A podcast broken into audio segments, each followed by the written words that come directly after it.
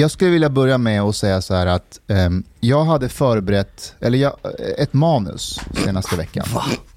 Ja, och det här manuset har ju med en bok, Älskade Public Service, att göra. Manuset.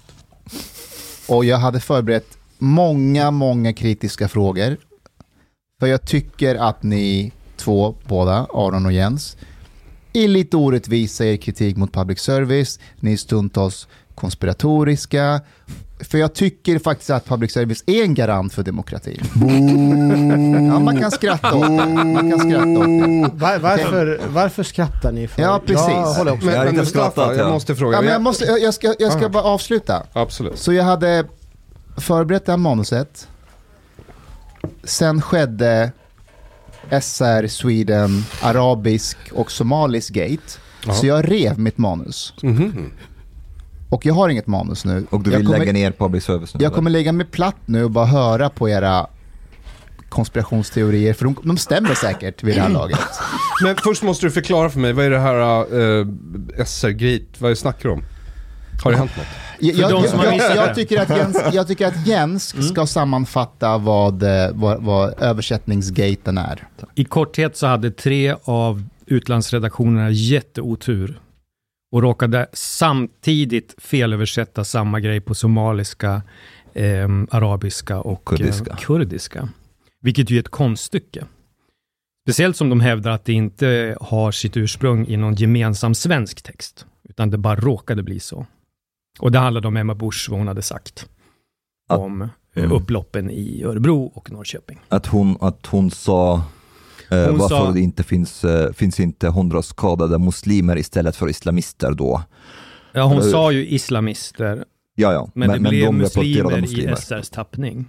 Som är också jättekonstigt eftersom även på Google Translate Arabic, om du slår in islamist, det, islamist och muslim, de är två olika ord på arabiska på Google Translate. Så even if they use Google Translate, they would have gotten it right. Så jättekonstigt. Men Det roligaste med det här, det är ju när Silla Benke säger att vi ska se över våra rutiner. Jag vet inte om hon är polyglott, så att hon pratar många olika språk. Det tror jag inte. Eh, och sen undrar jag också hur många andra felöversättningar har det varit genom åren på de här olika kanalerna? Men också Som en, vi inte vet om. en, en till sak, på somaliska, det var inte islamister och muslimer. Varför finns inte många eh, döda muslimer? Ja, det var ytterligare en grej. Jaha, det har jag missat. Jo, Ja, det, var, det, var, det var en bildtext på somaliska. Ja. Varför har de inte mördat fler muslimer? Ja, precis. Men de ska göra en internutredning nu, så det är väl lugnt. Jippi, vad bra. Mm. Hur tror ni den ser ut? Ni kan ju fråga mig, för jag har jobbat på företaget sedan I 1989. think the Somalis will investigate the Arabs and the Arabs will investigate the Det hade Kurds. faktiskt funkat. Men har men du varit med om en internutredning? oh ja. Hur, hur ser det ut? Jag gissar. En sån här Eh, gång. Vad tror ni Det första enda jag sidan? de vet om en ja. intern utredning det är att den förra, där den här ehm, journalisten hade ett förhållande med den här islamisten, Radal Dohan. ja, Mm. där Sanna Drisén. frikände de sig själva Mm. Ja. från Mm. Jag, jag gissar att de först bestämmer hur kan vi positionera det här utåt så att vi ser oskyldiga ut. Och Nummer ett. sen la, eh, börjar de samla in evidens. Mm. Jag eller det brist på de evidens. Du tror att de samlar in någon slags information? Jag vill, jag vill. Det kommer de inte göra, lovar jag. Så de bestämmer sig bara för hur det ska se ut Ja. och så säger de så. Ja. Men vadå, Really? tror du inte att det finns ändå att man vill liksom hitta rutiner för att det här inte ska uppstå igen? Nej. Nej, det säger jag inte för att vara sarkastisk, men jag tror ärligt inte att de vill det. För att det här är ju Pandoras ask. Om de börjar gå tillbaka och kolla långt tillbaka vad de här redaktionerna har sagt och inte, då kommer de hitta hur mycket som helst. Så det vill de inte. Men vad då? Eh, var det inte någon programchef som genuint bad om ursäkt för allt det här incidenterna uppstod och Jo. lovar? Jo. Men, Bo- men de menar inte det? Nej, det är klart de inte gör det. Jag kan berätta en, en kort anekdot. När jag jobbade på P4 Jämtland, då eh, slutade jag där till slut. När jag jobbade så slutade jag. Och då fortsatte de att skicka gruppmail till mig på en sändlista i säkert ett år efteråt. Alltså interna grejer som om personalärenden och sånt som var känslig information. Och jag skrev, tror jag, tre gånger till kanalchefen då och sa det att ta bort mig från sändlistan om ni inte vill att jag ska få veta vad ni håller på med i, i sådär.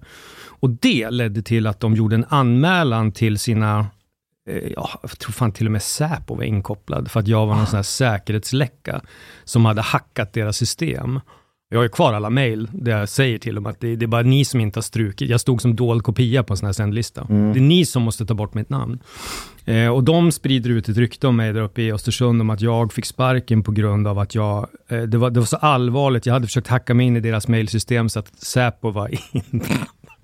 alltså de är sinnessjuka. Och det där går igen på många avdelningar. Men varför skulle de på Sveriges Radio inte vilja att så här felaktigheter uppstår? Förlåt? Varför skulle, Och så, så, säg det där igen. Det där är alltså- Freudians felsägning av... av men de här felaktigheterna som har uppstått, va- varför skulle de inte vilja rätta till det? Jo, jo, de vill ju inte bli påkomna. Ja, men vill de, inte, de vill väl rätta till att det ska bli rätt? nej, absolut inte. Varför inte? Därför att de är en propagandamaskin. Nu är ju inte SVT och Sveriges Radio här och kan försvara sig. Inte Putin heller. Men även om de Nej. är propagandamaskin så vill de ju ändå eh, på, göra det på ett snyggt sätt. Ja, det är det jag menar. De vill inte bli påkomna. Ja. Det vill de inte bli. Mm. De tycker att sånt här är jättepinsamt. Ja. Det gör de faktiskt. Men Omar till exempel, han har ju de språkkunskaper som krävs för att sätta sig framför Radio Swedens arabiska redaktion och gå igenom allting tio år tillbaka. De sitter antagligen och rättar i realtid just nu. Men, men Gamla texter. Eh, så det är bra om du kollar också när den är uppdaterad senast. Allt har uppdaterats de senaste tre dagarna, then you know. Men nu, nu när ni säger propaganda, jag vill citera en sak ur er bok som ni har citerat. Ni har citerat en statlig offentlig utredning eh, från 2018 där de ska utreda public service oberoende. Eh, och då står det så här i den här utredningen. Genom att bidra till att medborgarna är välinformerade och kan föra konstruktiva samtal utifrån gemensamma verklighetsbilder är public service en demokratisk kollektiv nyttighet som gynnar alla medborgare. Det är ett fantastiskt citat det där. Säger allt om deras verksamhet. Varför? Förklara mer. Ja, men du hörde vad han sa. De vill att vi ska ha en gemensam världsbild, men vilken världsbild är det vi ska ha? Och varför ska den vara gemensam? Gemensamma världsbilder, det har man ju i, i diktaturer. I, I think it's interesting also that it's like gemensam världsbild, not an objective Mm, precis. världsbild. De hade kunnat peta in ordet objektiv eller Ja. objektiv, men det Ja. gjorde de inte, för att de behöver inte. Om vi stannar vid den här eh, översättningsgaten. Mm. Okej, så, så som det ser ut nu, jag tror att många i Sverige säger så här, okej det här var inte bra. Det blev ett fel här, varför har de översatt fel? Menar ni att, att det här är medvetet fel för att komma åt KD och Bush? Nu, nu nickar ju Aron här, men va, Och Jens också, men varför? Jens. Alltså hade det varit en redaktion, Fool me once, du vet, då hade man kunnat säga okej, det var ett misstag. Men det är tre redaktioner, ganska de- väsensskilda språkmässigt också. om vi ska ta dem i försvar, Mm. Ja, kan det inte vara så bara att någon har översatt fel och så, så har de andra tittat på den översättningen och copy-pastat på andra språk? Mm, så alla är polyglotter. Somaliska och arabiska är inte samma sak. Nej. inte Nej, men om, man- heller. om man har, gjort- om man har ta, om, en, vid ett tillfälle Mm. har ju någon skrivit allting i text och redan vid första tillfället har det blivit fel, så har de andra gått efter och läst den första texten. På och vilket sen, språk? Ja, men ta, lå, låt säga att man transkriberar det hon har sagt, på, från, eh, alltså att man skriver det så att det står på svenska i text. Ja. Och sen när de ska översätta så blir det fel, så har de gjort fel. till arabiska och så kommer somaliska redaktionen och tar, Tar arabiska? arabiska. Det är tre Men olika redaktioner. Och, och, och, och den somaliska, de, de, sk, eh, Ja, de skrev ska- någonting helt annorlunda. Okej, Varför det inte ska- finns många döda muslimer. var lite djävulens advokat där. Kan det vara som så att alla de här tre redaktionerna har gjort just det här felet därför att ordet islamist kanske inte finns på arabiska finns det, men på somaliska och kurdiska på samma sätt. Jag vet många afghaner som inte vet vad islamist är. Jag vet många svenskar som inte vet vad islamist är. Och actually, uh, yeah, I agree with you. And there's like also like many Somalis that I know uh, that who don't know also the difference between skadade och döda. Well, maybe you shouldn't be a journalist then. Jo men det här försvaret, det är ju en, ett- det, vad heter tjejerna på Riks? De ringde ju upp en Ja, SR-reporter det. på en av de här redaktionerna. Han förklarade ju precis så och sa det att det här, det betyder samma sak på vårt språk. Alltså muslim och islamist är samma sak. För dem, de gör ingen skillnad och det är ju en svensk eh, översättning tror jag också som ställer till det. Men du vet vad Leif GW Persson brukar säga? Han brukar säga hata slumpen. Och i det här fallet att det skulle vara liksom en slump eller den här, den här väldigt krystade förklaringen till att det skulle kunna gå till som ni... Tycker ni det låter troligast eller ty, tror ni att de har ett syfte med det här? Med tanke Men- på vem det handlar Jag har en om. ganska bra idé om Men vänta, vänta. Chang. Om vi Berätta. bara stannar det med, vid det med att han sa att det finns ingen skillnad. Mm. Det är farligare.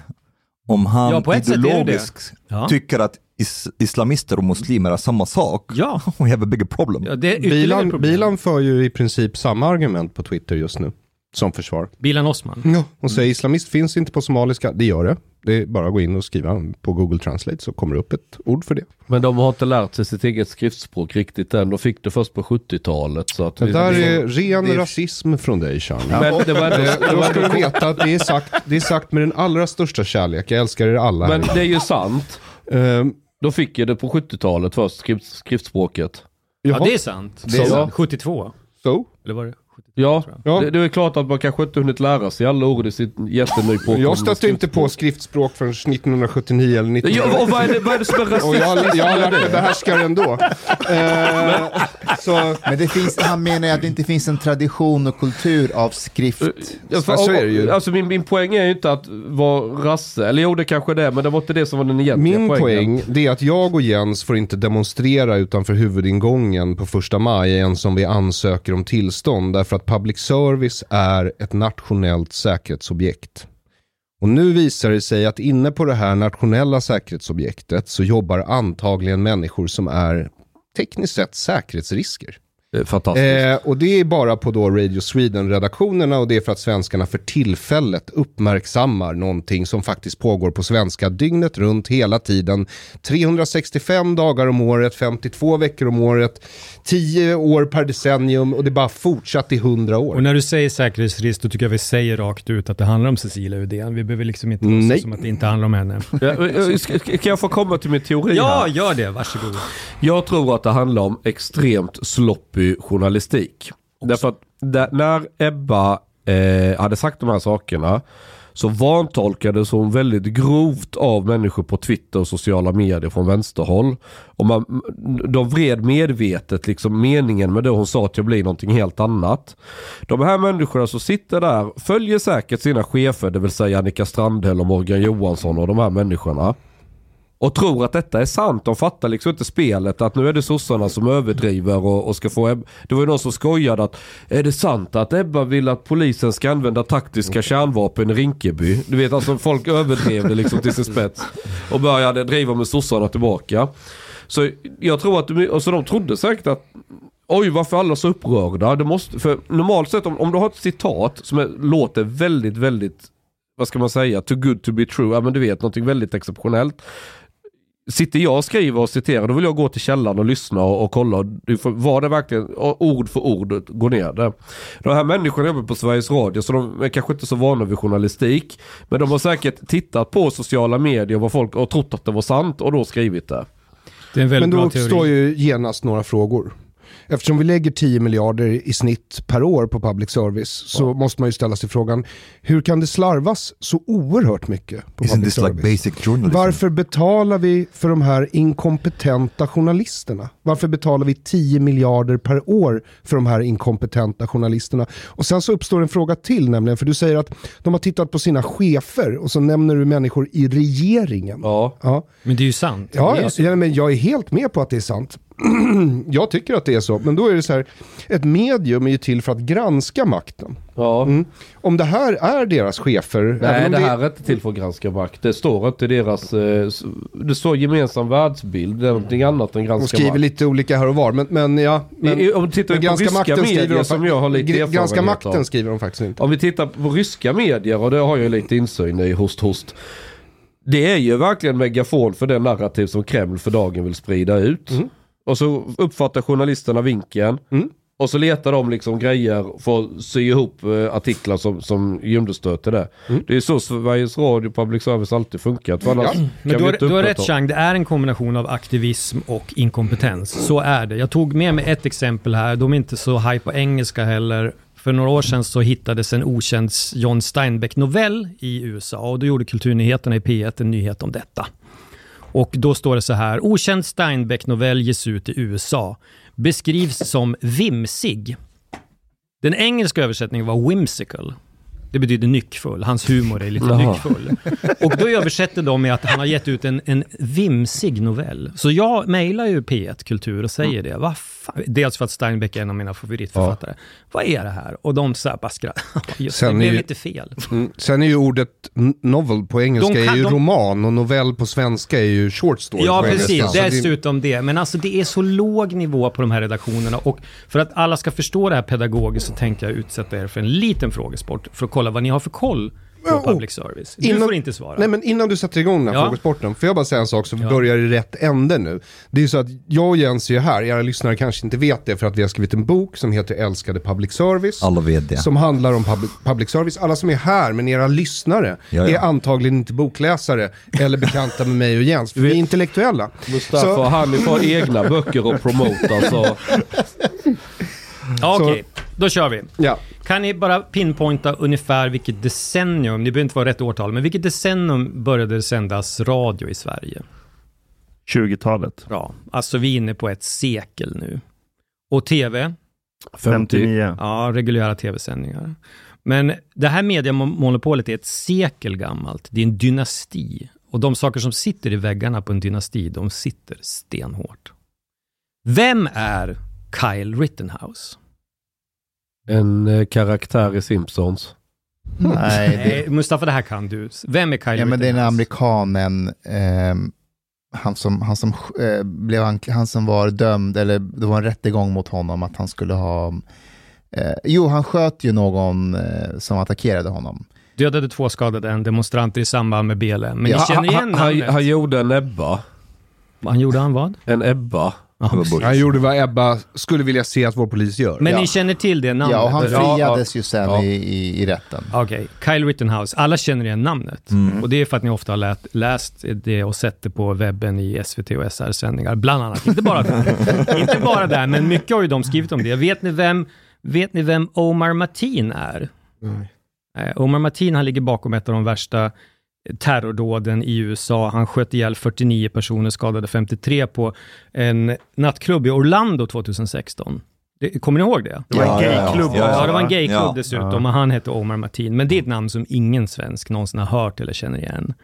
Eh, samma med Nidal Hassan som sköt ihjäl 13 personer skadade 30 2009 på Fort Hood i Texas. Men alla vet vem Kyle Rittenhouse är och alla vet vem Carl Hedin är också, eller hur?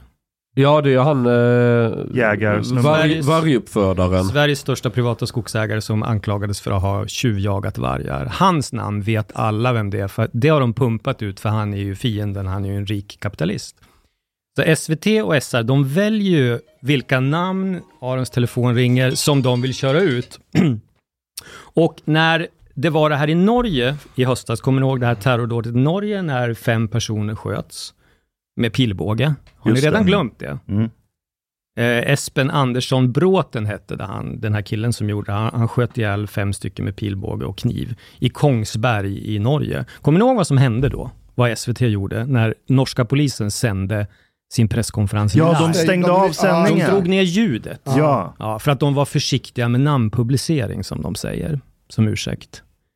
Men när det gäller Karl Hedin och till exempel Anders Bering Breivik, som jag inte på något sätt försvarar, då var det inget snack om eh, att man skulle vara försiktig med namnpublicering. Och det här kan ju låta som att det är väldigt inkonsekvent, och det är ju ett av de stora problemen med SR och SVT, att de har så många anställda, så många olika redaktioner, så många olika småpåvar, mellanchefer, som tar beslut utifrån hur de mår den dagen. De har haft en stressig dag, de har bråkat med sin partner, och i toppen av pyramiden sitter Silla Bänke, Jan Helin, och Hanna Stjärne som någon slags feodalherrar och styr över alla sina småriken med 4 000 anställda. Det är jävligt svårt att hålla reda på vad alla de säger och alla de, så att de gör rätt vid varje givet tillfälle. Och det gör de ju inte. Det är därför det blir fel så ofta, för de är så himla stora och har så många anställda. Eh, jag tänkte fråga er lite grann om ni vet hur många som jobbar på eh, CNN. Ett av världens största mediaföretag. 2000. Tusen typ. CNN, de finns i 36 olika länder, de har 36 kontor världen över och jag tror att de når en halv miljard människor varje dag. Och sånt där. De har 4 000 anställda. Det är lika många som... Hur många har SR, SVT och UR tillsammans? Säkert tio gånger fler. 4000. 4 000. Va? Lika många. Nu är inte alla journalister, utan det är tekniker och sådär. Men det är det väl på CNN med? Ja, förmodligen. Så de har lika många anställda, svensk public service, som CNN har. Fox de har 7700 anställda. MSNBC, jättestor, de är nummer två kabelkanal i USA. De har 950 anställda. Mhm. Och BBC de har 22 000 anställda, men det är fördelat på 67 miljoner människor. Och då är ju frågan, varför har de nordiska public service-bolagen så många anställda? Att Oproportionerligt i förhållande till folkmängd. arbetsmarknadspolitisk åtgärd. Någon som vill gissa på något mer? Varför det är så väldigt många? Because of demokrati. Så det är en anställd per 125 000 tittare för CNN. Och så är det en anställd per 1700 tittare på public service. Det är Va- ganska sjuk skillnad. Vad säger det oss om public service? Är det så att public service har lite andra, lite, de har ju uppdelade typ eh, UR, Tre bolag. tre bolag. Mm. Har eh, CNN likadant där med? Nej, de kör CNN? Ja. Nej, de är inte, det är inte samma uppbyggnad där. Det Nej. finns något som heter PBS i USA som är URs motsvarighet. Och så finns det ett paraplyorganisation av det som, som delar ut de statliga pengarna. Men deras statliga tv och radio i USA, den är ju försvinnande lite jämfört med det vi har i Sverige. Men kan det vara så att public service på samma sätt som det är inom många andra myndigheter, att det består av väldigt, väldigt mycket så chefer?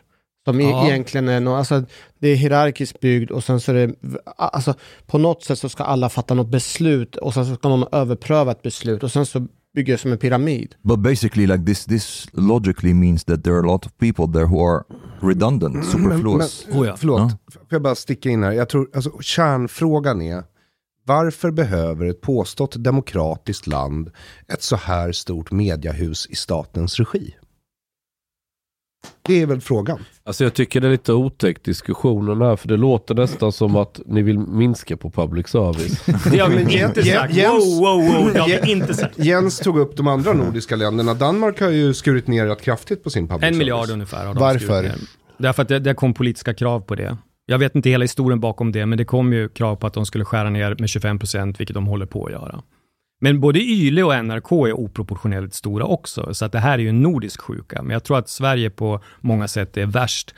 Och det är som Aron säger, varför behöver vi en så stor mediaapparat i detta fria demokratiska land där alla tänker självständigt och är så jävla swish på att upptäcka fake news och sånt där? Vad är svaret då? Is it like a leading question? You want us to say that uh, because of propaganda, eller? Nej, alltså det är ju så här att rent... rent Pretty much, eh, yeah. det, det är som, som Hanif säger, det finns en stor överbyggnad i mellanchefsleden och det vet jag att de har problem med internt och att de diskuterar det ofta. Eh, en gång så, eh, när jag jobbade på Svenska nyheter så var det en programledare där som fick ett utbrott och svor för att det var någon sån här grafikgrej som inte hade blivit sen, vi hade inte fått den. Och då skrek han det att på det här jävla företaget så är det, det, det krävs fem grafiker här för att göra samma sak som en grafiker gör på TV4. Och det ligger mycket i det, det är så.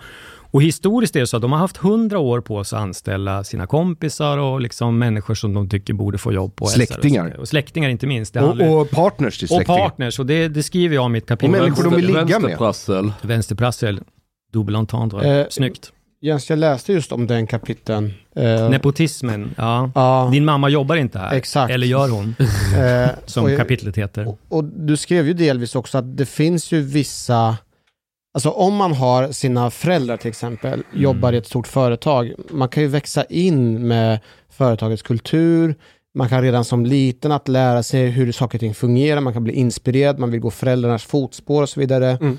Och eh, kanske till och med att man kan få ett litet sommarjobb på somrarna där. Som Nike Nylander, Ja.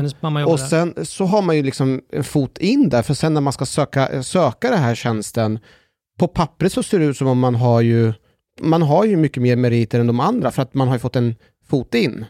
Och jag ser liknande även inom polisen så är det likadant.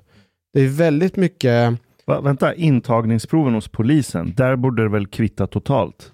Nej, Ja. men är man 14 och Nej. provat i Rinkeby upp under upploppen, du vet, så har man ju lite... nej men eh, du skulle ju kunna börja med att eh, du jobbar på sommaren i, på stationen, på, i receptionen.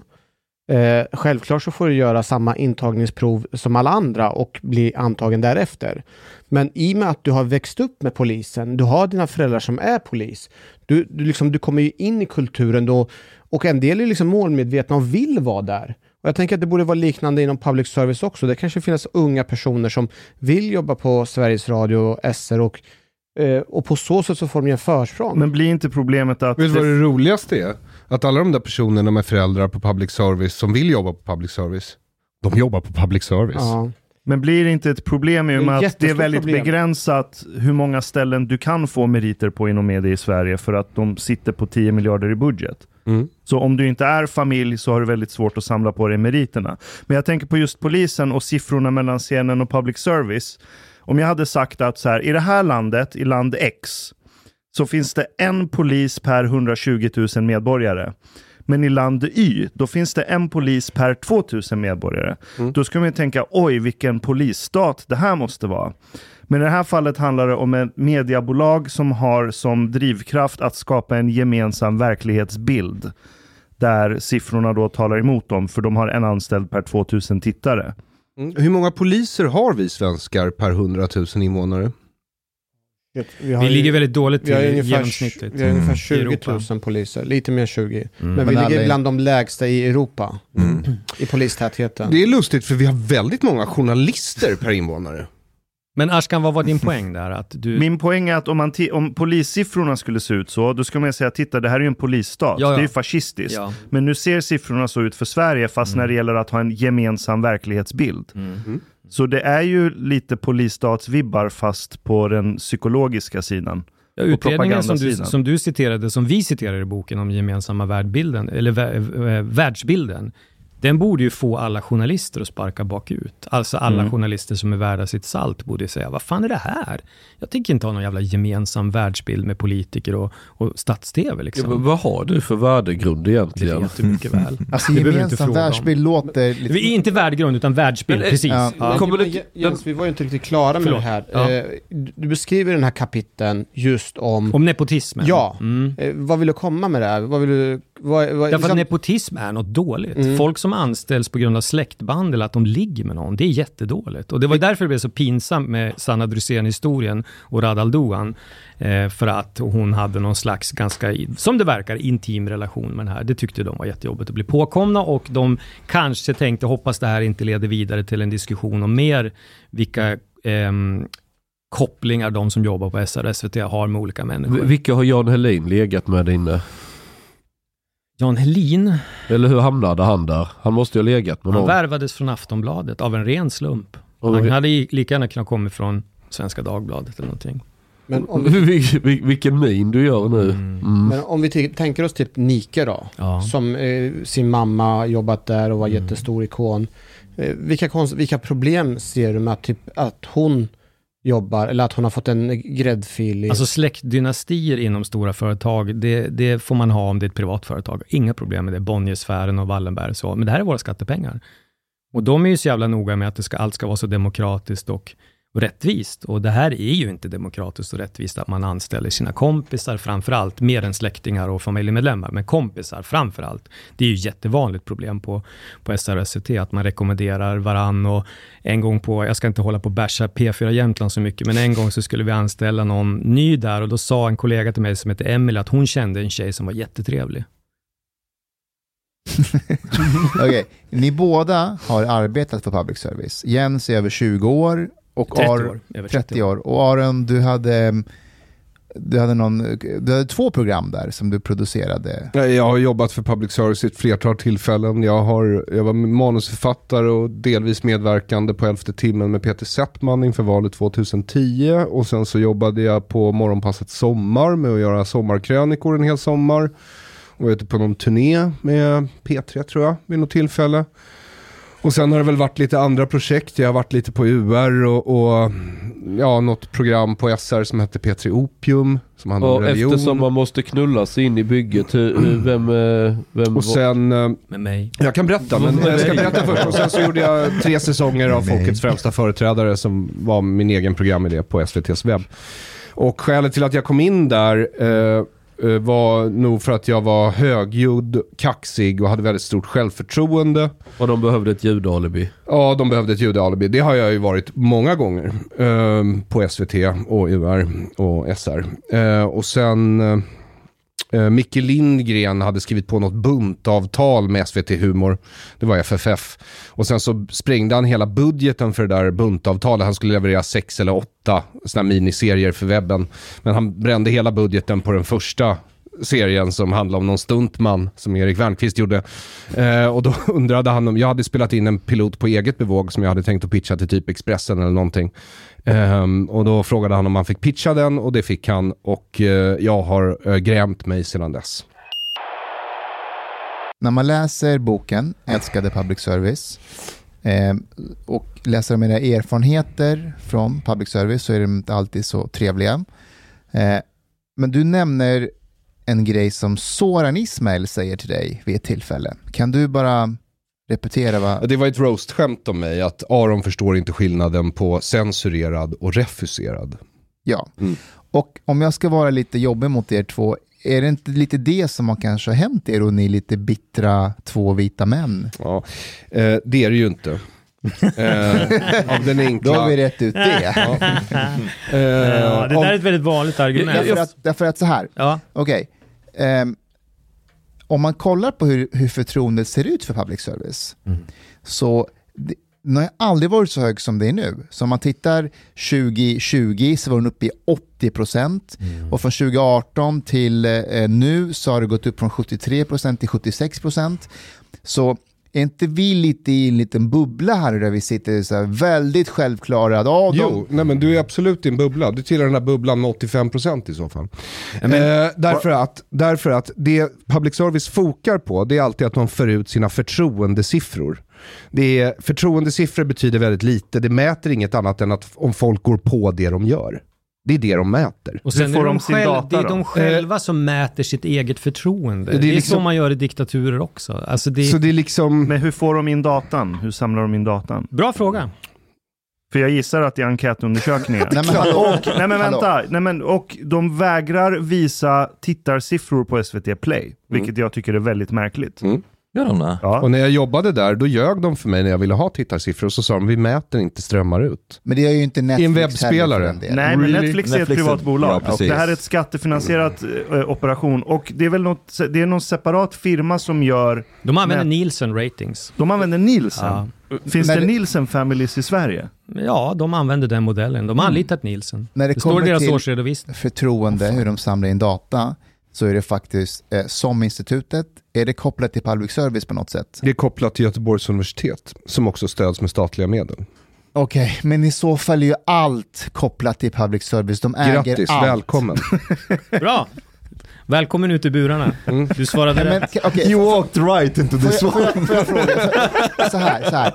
Kan, kan, ni, kan ni förstå att det blir lätt, att, att andra som lyssnar på det här kan lätt tycka att det är lite konspiratoriskt Oh ja, oh då? ja, ja. När vad, vad man än pekar på, som institutet, Novus, SIF-undersökningar, ja men det är statligt Nej, och du alla rätt, vägar Mustafa. leder till eh, liksom public service. Du har rätt sätt. Mustafa, men du också, det finns ju en korrelation mellan att de är så många anställda och har så högt förtroende, för de bombar ju hela tiden oss svenskar och har gjort det i hundra år med att, att de står för kvalitet och att de eh, är en garant för gemensam världsbild och mot fake news och allt. De har ju en gigantisk propagandamaskin som hjälper dem att hålla upp de här siffrorna. Det är ju inget konstigt. Det, det är lätt att slänga sig med ord som propagandamaskin och allt sånt där, men det de sysslar med i hundra år är åsiktsförtryck. Därför att det här är staten som lägger sig i medborgarnas åsikter. Okej, men då vill jag bara spinna vidare Det lite är det där. åsiktsförtryck. Jag vill bara Jean, jag vet att att ni du vill komma in. låter Du- det du- sjunka in. Du kommer in i sms, men då måste jag spinna vidare på en Men, sak. jo, men jag nämnde just ordet åsiktsförtryck. Det är Ja. ett rätt allvarligt ord. Jag fattar. Och då vill jag så här, när man läser boken, Ja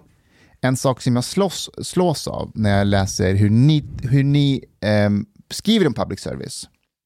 Och det är att ehm, du Aron verkar ha aldrig hyst någon respekt eller förtroende för public service. Du, du vill inte att det ska finnas alls som organ, det ska bara bort.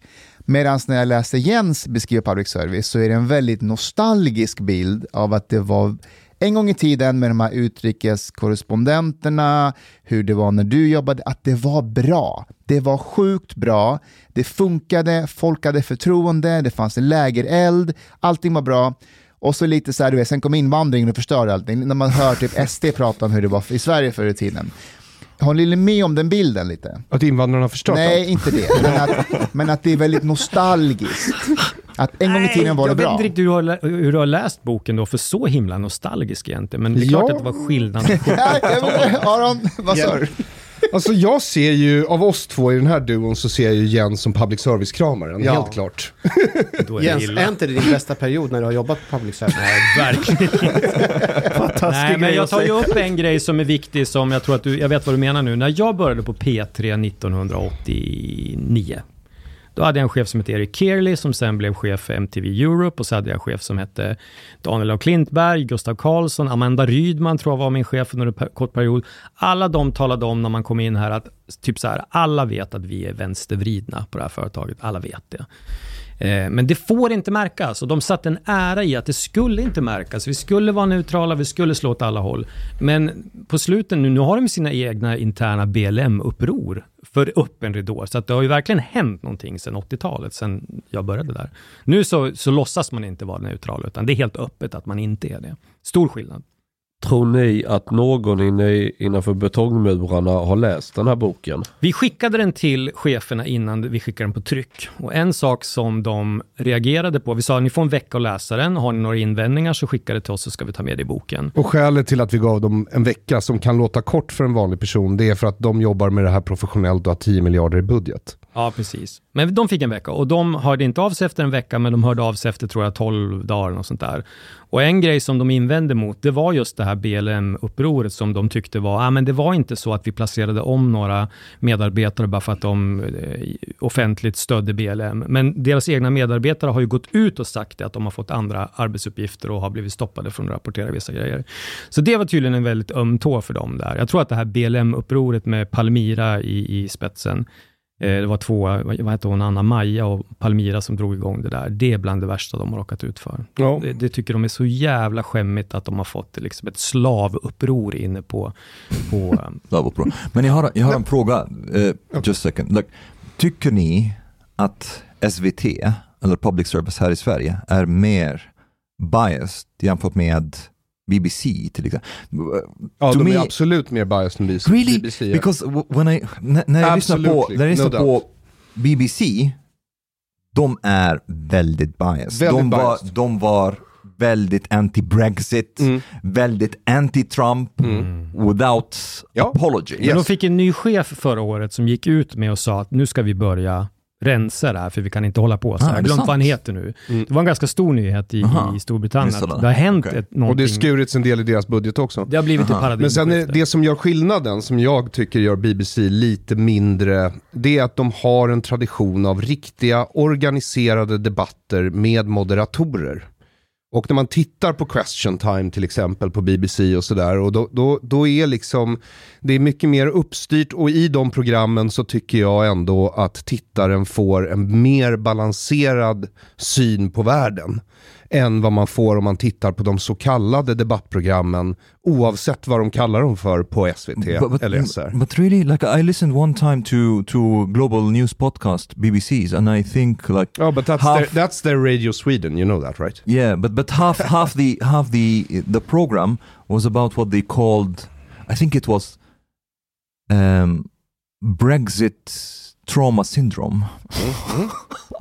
they were talking about how Britons are suffering from the whole Brexit thing, and uh, this was like half the news. Så jag vet inte. Men för att återknyta lite till översättningsgate, därför att nu pratar ju du om då BBCs globala Right. eh, verksamhet, Right. den de sänder ut i världen. Ja, ja. Och nu är det ju så här att BBC har ju lite liknande problem som public service, det vill säga att det som har rekryterats är vänsterextrema, basically säkerhetsrisker allihopa. De, ja, nu pratar jag majoritetsbefolkningen. Och jag vet inte om ni har märkt det de senaste åren, men det verkar finnas någon sorts ohelig allians mellan islamism och socialism. Har ni noterat det? Nej, Ja. vet Så inte. överraskningen att det ska då finnas islamister på Radio Sweden när resten av bygget består av marxister och maoister från 68-rörelsen. Eh, det borde faktiskt inte chocka någon. Uh, Aron, I'm, I have to say that I'm starting to get a bit scared because you and I are starting to develop a relationship that I'm that I'm calling I told you so. so basically, när jag fick sparken från jobbet, Aron ringde mig, Oh, I told you so. and then recently when I was like shocked about how Swedes and, and politicians and even the police are reacting efter korankravallerna, Marom also like rings me. Ah, I told you so. God damn it. So I have to see now what, what other things you have told me. Eh, Yeah, you might. jag måste fråga Jens, tycker du att public service en gång i tiden hade en funktion och hade den här lägerelden som fungerade? Jag menar, du har ju fan jobbat där i 30 år. Mm. Klart det funkade. Sossarna hade egen majoritet nästan, hur många år? Ja, men de har ju producerat jättemycket bra genom åren och det säger ju folk, ja men titta hur mycket vi har gratis på SVT Play, gratis, men det är ju skattepengar och licenspengar som har betalat för allting. Det är klart de har producerat jättemycket bra saker, men när jag växte upp fanns inte sociala medier, så att jag kunde liksom inte kolla som man kan nu. Ja, men stämmer det här som de säger? För nu så fort det händer någonting, då är det någon ute på Twitter eller och kolla, ja, men kolla vad de har skrivit här och så är det skärmdumpar och så får man liksom en helt annan bild av det hela. Det var ju inte så då, så jag kan inte bedöma hur det egentligen var. Jag eh, vill bara flika in här. På 20-talet började radio, alltså tekniken uppstod. Och det första som hände var inte att public service blev till. Det första som hände var att massa människor startade privata rundradioklubbar. Där de liksom sände amatörradio. Och den här subkulturen spred sig och blev väldigt stor och populär. Och då tänkte staten, som den alltid gör i det här landet, det här kan inte vi tillåta pågå. Därför att det här är oreglerad information. Det, tänk om någon är kritiska mot oss. Och då bestämde de att nej, radiomonopol, det är vad vi ska ha. Och sen när teknologin med tv kom, vad hände då? Då uppstod en subkultur av människor som sände egen tv lokalt, experimenterade med Hans det. Werthén, bland Ja. annat på Electrolux. Och vad tänkte Telegrafverket då? För det var Kungliga Telegrafverket som hade startat radion. Jo, de tänkte det här måste ju vi ta över. Det här kan vi inte tillåta pågå. Ja, så tog de över det. Och grejen är den att eh, hade de här kult- subkulturerna med amatörer fått utvecklas fritt, Organiskt. så, ja, organiskt, som i en fri kultur. Fri kultur. Ja, då hade det kanske funnits jättemycket radiomedia i Sverige. Det har vi ingen aning om. Och hade tv-subkulturen fått utvecklas som den ville, vi kanske hade haft jättemånga hubbar med människor liksom i olika småstäder som gjorde fantastiskt innehåll. Men det kommer vi aldrig få veta, för staten tog över det. Jag skulle vilja ställa några frågor till er två. Mhm. Kan ni beskriva varandras bild av public service, eh, den rollen den har och var ni skiljer er åt? Det är en bra fråga. Jens, du får börja. Nej, men jag, jag tror väl att det finns utrymme för ett väldigt slimmat public service som kan fylla en funktion i kristider och att det ska finnas ett utbyggt system för du vet, alltifrån varnings, eh, Hesa Fredrik och såna här grejer som man kör ut i lokalradion och så. Det, det tycker jag, jag har inga problem med det, men de behöver inte vara 4000 anställda och ha 10 Kan man inte miljoner lösa det med en app i telefonen? Jo, det också, men det kan vara bra att ha dubbla system. Jag har inga problem med det. Jag man har, kan ha egentligen, två appar. jag har inga problem med att de gör mellon och såna här grejer heller. Och där skiljer ju, jag vet inte om jag och Aron tycker olika där, men jag hörde ju KD var ute och pratade om det här för ett tag sedan. Även Moderaterna har sagt det att SVT och SR ska inte göra tingeltangel-TV. Eh, och då tror ju de att de är smarta när de går på det. Men det är fullständigt fel. SVT och SR får göra hur mycket jävla tingeltangel-TV de vill. Det är två saker de inte ska göra. Barnprogram och nyheter. I- För där kan de inte låta bli att vara aktivister. Så allt annat får de gärna göra för mig. Men inte för mina skattepengar. Nu vill jag kolla, hur många här vet vem Maj-Britt Theorin är?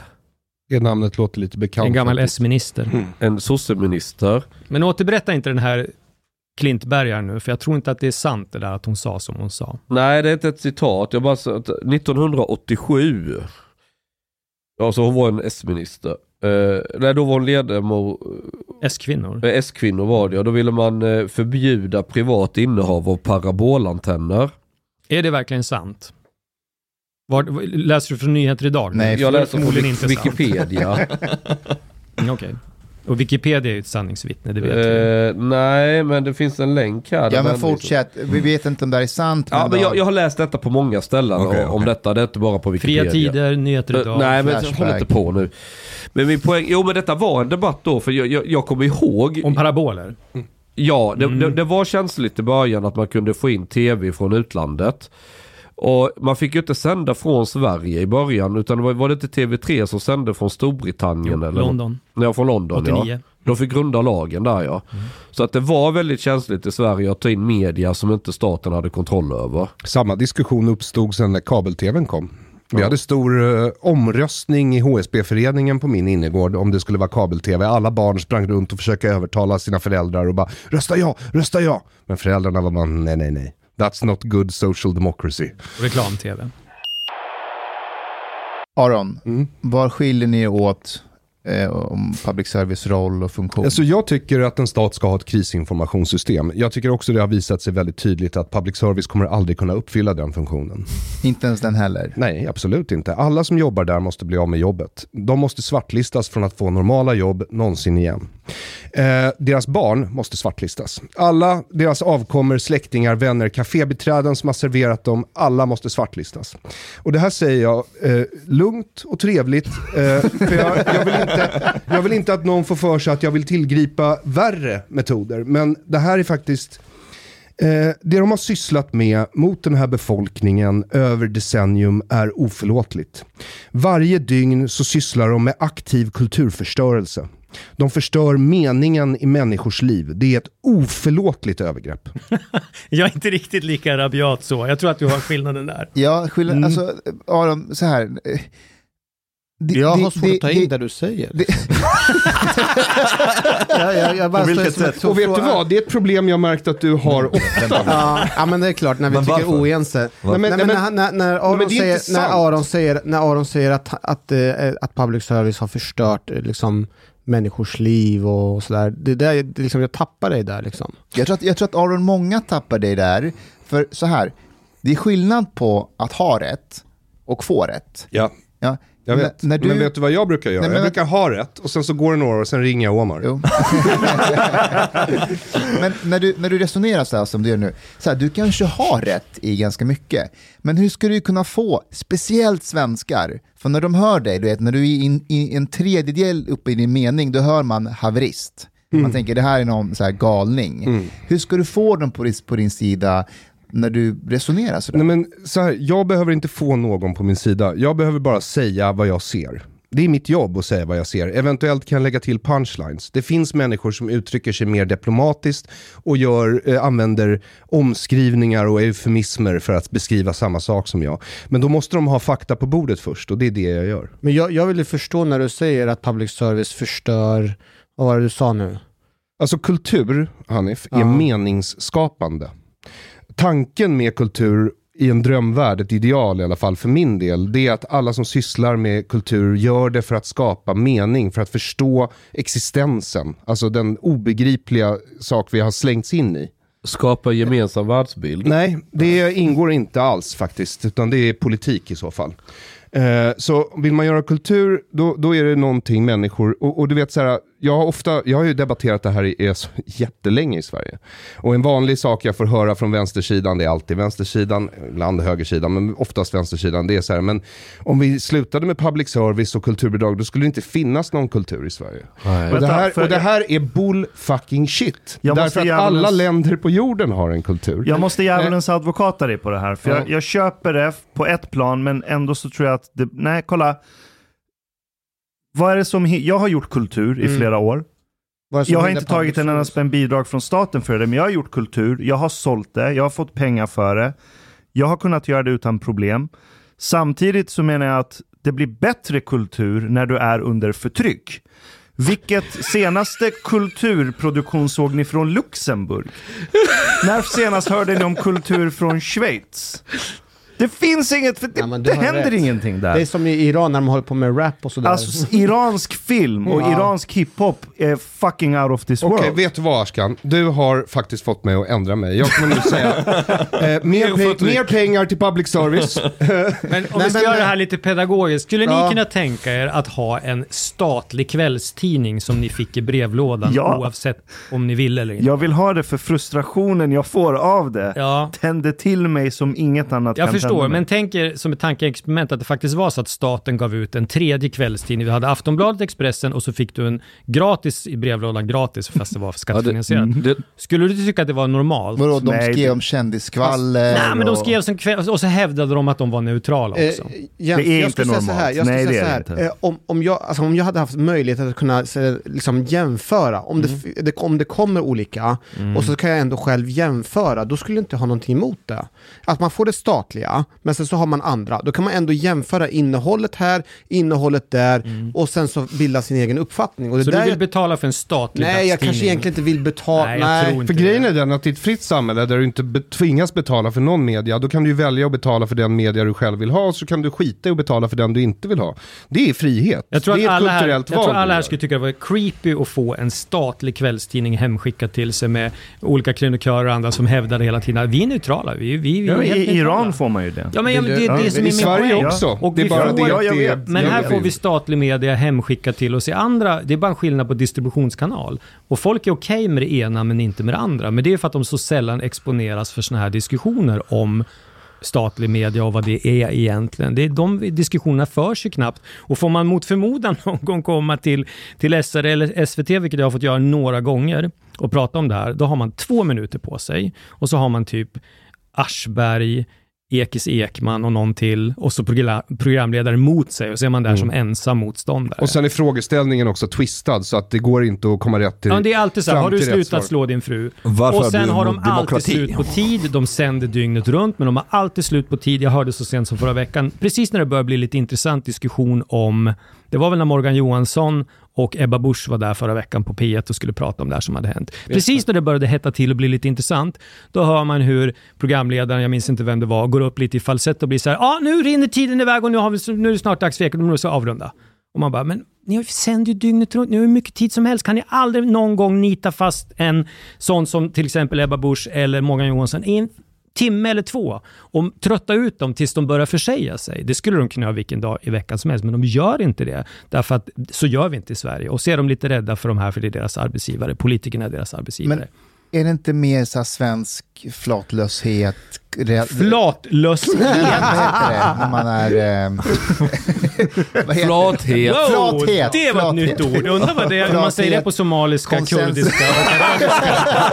Kan vi genast gå in och kolla på Google Translate? Flatlöshet. Ja, det finns flatlös på SR, jag håller med. Konsensussökande, man vill ha... Jo, det är en kombination Ja, det. är inte en del av svensk kultur? Jo. Måste det vara att... att Nej, men det är inte bara det. Det är, ligger i vårt kynne och vår folksjäl. Det gör det, det har du rätt i. Men eftersom jag har jobbat internt så mycket i den här koncernen genom åren så vet jag ju också hur, vilka människor det är som ligger bakom de här och hur, hur diskussionerna går på morgonmöten. Nu ska jag ta ännu ett exempel. Jag var på en nyhetsredaktion på SR för några år sedan i samband med att Trump eh, nominerades till president. Det var när han hade vunnit valet och då gick en av de neutrala reportrarna omkring dagen efter, hela dagen på redaktionen. Och grät. Nej, med en t-shirt där det stod Dump Trump. Och då var jag så här, men du, Johanna Gadd som hon heter, hon är på Ekot nu och läser nyheter. Jag sa till henne, jag sa till chefen, eftersom det kommer gäster hit till radion hela dagarna och vi säger att vi är neutrala, ska hon verkligen gå runt, även om man inte gillar Trump, det är inte det det handlar om, ska hon gå runt i en t-shirt där det står Dump Trump? Ja, det kanske var lite olämpligt, men de kunde inte säga åt henne, så hon fortsatte att gå runt. Vi kan ta ett exempel till. Eh, Vi kan ta ett exempel till. Tror ni jag hade fått läsa upp nyheter i Ekot med en krossa socialismen t-shirt på mig? Nej, såklart inte. Givetvis inte. Nej, och djävulen bor i detaljerna. Jag har ju tagit med mig massa exempel här, vi kan väl bara lite snabbt gå igenom några av dem. Här är en jätterolig grej från Kulturnyheterna. Eh, rubriken är “Vanligt med hot och våld mot bibliotekarier”. Och så har man en överrubrik som är “Bråk och stök”. Och de kan liksom inte välja här. Hot och våld är ju jävligt hemskt på bibliotek. Men vi, vi skriver bråk och stök ovanför för att liksom ta udden av det lite grann. Sen har vi gruvhålsafghanen. Minns ni den? Det är ju bara förra veckan. Hallänningen var väl? Ja, Hall, man från Halland. Då, då faktiskt, det här är ju ett tecken på att det börjar Det krackelera lite grann internt på, på SVT. För då skrev faktiskt hon på, jag tror det var Västmanland, eh, SVT i Västmanland. Hon skrev ju faktiskt en krönika efter det här om att den här rapporteringen om det här trasiga stängslet kanske hade varit lite okänslig och hade li- var lite fel timing på det. Det är väldigt ovanligt att de gör så och det är ett tecken på att de börjar liksom förstå att folk blir jävligt provocerade av de grejer de gör. Och sen har vi, ja men här har vi det här, SR tystar medarbetare som skrev under upprop mot rasism och det var Palmira Kukari Mbenga och Maja Abdullah som anser sig vara tystade. Där vill jag nog säga att jag är på de rasifierade sida. Ja, jag med. Givetvis. Jag, jag ska berätta varför. Så här, Sveriges Radio och Benke och alla de här har ju blivit jättehöga på sin egen propaganda och mångfald och allt det här och vi ska liksom spegla samhället utifrån hudfärg eller vad det nu är. Och då tror ju folk på det. Och så har vi ungdomar som har journalistiska ambitioner som tänker yes, här har jag en plats för jag har den här rätta hudfärgen för jag är en handikappad lesbisk eh, transtjej från Nigeria eller vad man nu ska vara för någonting. Du glömde överviktig. Ja det också. Men, och så kommer de dit, de får jobb, men man behandlar dem förmodligen bara som man samlar dem som tamagotchis eller vad heter Maskotar. Pokémon? Ja, maskotar. Ja, och så får de sitta i en hörna någonstans för sig och göra sitt, ingen bryr sig, de får härja på. Och sen märker de att men vi blir aldrig riktigt en del av bygget här utan vi är liksom längst ner lite undanskuffade, bara får visa upp lite. De får aldrig bli chefer, de kan inte göra karriär, ingenting. För det har ju de vita inavlade... Ja, Jan Elin sa väl att det kommer ta 20-30 år innan han anser att Han- public service är jämställt. Han sa när han debatte- debatterade mig på, på Cirkus, tror jag det var, för två eller tre år sedan, att när jag påpekade det, att alla som går in på SR och SVTs hemsidor kan med egna ögon söka och titta på hur det ser ut i styrelserummen, i direktionsvåningen. Det är kritvitt. Det sitter inga rasifierade människor Nej. där. Det gör inte stiftelsen som äger bolagen eller driver, bolagen heller. Eh, och då, då sa han, ja jo men det, det var ju ett problem, men om, om SR och SVT fick några generationer på sig så skulle nog det ordna sig. Så att. SR och SVT, de ska ha några generationer på sig att ta in rasifierade människor i styrelserummen. Men resten av samhället ska göra det nu, pronto, igår helst. Styrelserummen i hela Sverige måste vara 50 kvinnor, Ja. 50 män, 50 homosexuella, 50 straighta, 50 icke-binära, 50... Men inte på SR och Men, men om, om man ska vara jävla... Men, eh, finns det inte poäng i det Jan Helin egentligen säger? Nej. Alltså ur, ur ett verklighetsperspektiv. Alltså det- alltså, det om så. han var konsekvent, jo, Nej, om man ska jo, sitta i om han var konsekvent och sa det och självklart ska resten av samhället också få två, tre generationer på sig att komma ikapp. Men det gör han ju inte. Och grejen är så här, mycket av det ni säger, eh, kritiken mot public service, jag känner igen då, jag, jag, jag, bara, jag håller med i stora delar, för, men jag kan även applicera på resten av samhället. Ja, det är ju men- så många myndigheter som pratar just om Så, mångfald. så är det. Mm, fast nu påstår ju SVT och SR att de inte är en myndighet. Nej. De är ju privata företag som sköts av en statlig stiftelse som kanske eller kanske inte styrs av regeringen. Mm. Mm. En genomsnittlig chef på SR eller SVT eller UR, de bor i Nacka eller Bromma eller på Värmdö eller någonting och så kör de sin SUV in till stan och åker ner i varmgaraget under Det är viktigt att det är varmgarage. Ja, ja varmgarage på, på Gärdet där och så tar de hissen på femte, upp till femte våningen, direktionsvåningen. Och där kommer de in i sitt stora fina konferensrum där det bara sitter vita människor på alla poster, mer eller mindre. Men bakom sig, och det här, nu tror ni att jag hittar på, men det, det här är sant. Bakom eh, det här, eh, där de sitter, det här långa konferensbordet som James Bond skurkar, så har de en fotovägg som, eh, om det är Silla som har beställt den eller inte, som då ska visa mångfalden inom företaget. Det är en gigantisk eh, fresk med bilder. Med jättemånga svarta människor, araber, perser, asiater, afghaner och så några få Som de skulle vita önska människor. arbetade där. Och det där är vad de sitter och tror. De tror att deras företag är så där. Mm. Och de är så jävla sjuka i huvudet för att de tittar på den där väggen och tittar vad duktiga vi är och Kodjo är med på en stor bild, på, står på någon skateboard eller någonting. Det är hundra bilder av Kodjo. Ja, det är mycket Han ska Kodjo. sluta nu förresten. Han ska sluta nu. God bless him. Och så sitter de där och liksom, ja, vi är ett så härligt mångfaldigt företag. Och så tittar de på varandra och så är alla vita i den här jävla styrelsen. De är sjuka i But- huvudet. but wait- det här är så, så här beter sig människor i de övre skikten i diktaturer. också. Isn't this an argument for blackface though, if you think Well, about it? Let, let me just put it this way. There's, det finns en annan, jag, jag håller med dig Chang och jag håller med dig Jens. Men det är också så här att, vi, kan kalla det wokeism eller intersektionalitet. Alla de här i ledningen tror ju på den här ideologin. Det är en rasistisk ideologi. Tillämpar du den, ja, det är klart att företaget blir rasistiskt. Det är inget snack om det. Jag, tänk, eh, jag vill bara... Vill, Så här. vill, vill du bara för, förklara vad menar du med att det är en rasistisk ideologi? Jag menar att om du tror att du kan ha en organisation där du rekryterar vissa till vissa poster baserat på kultur, ursprung eller hudfärg. Vilket Silla Bönke råkade göra en Eh, slip-up då och sa eh, de sysslar gör. du med, du kan kalla det positiv särbehandling om du vill, men vad det är är diskriminering. Och det är diskriminering baserat på hudfärg. Och är det, basering, är, är det då diskriminering baserat på hudfärg så är det rasism. Punkt. Oavsett Det är vad rasism är. Ja, visst. Mm. Så, Ja, så Men kan det inte finnas någon poäng om man till exempel vill att ha ha ett in, jättestort rasistiskt företag som får 10 miljarder om året. att till exempel att man tar in Till exempel. För, alltså, för en kritik som vi får ibland från journalisterna själva det är att många som rapporterar om saker och ting som händer är ju inte från förorten.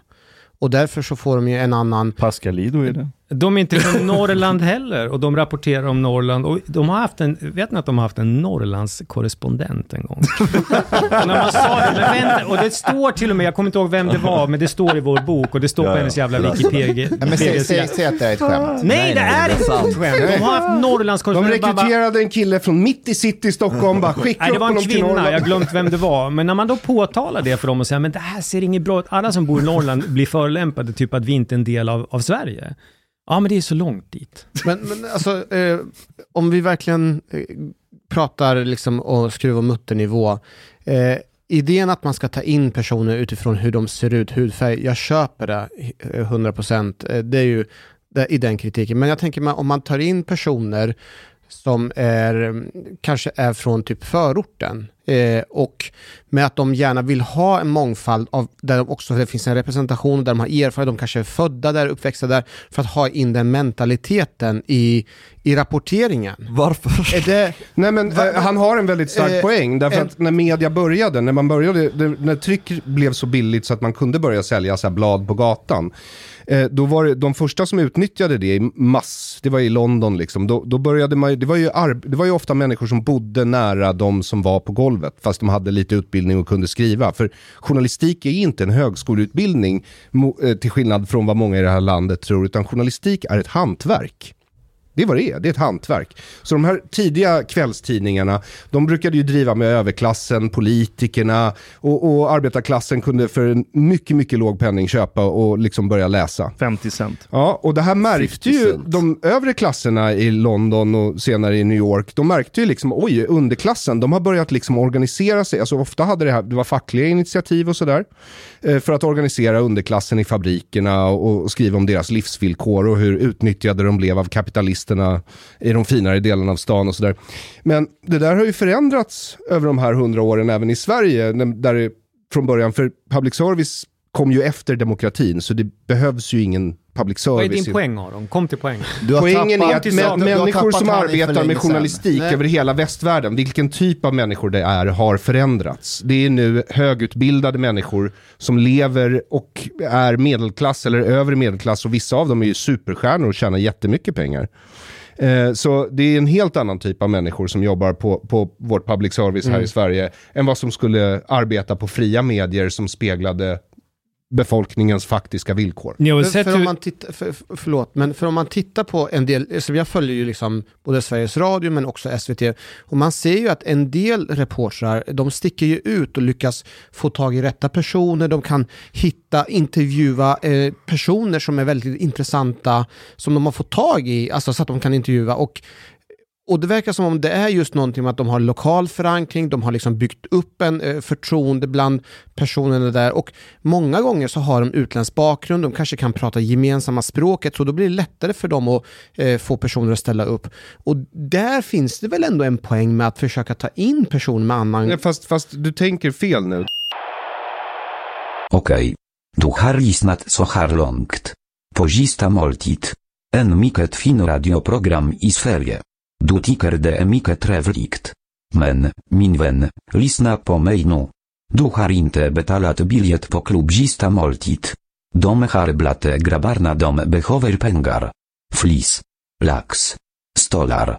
Dirabilar. Lyxhotel. Du vet. De måste du betala om du ska lyssna mer. Du får man gaffleravsnitt också. Paket erbjudande, helt enkelt. Läs i beskrivning för avsnitt, där det finns information för att bli medlem på klubbista måltid. Det kostar som en mycket liten kaffe latte ute på torget. Per månad. Lätt som en plätt. Tak, min vän.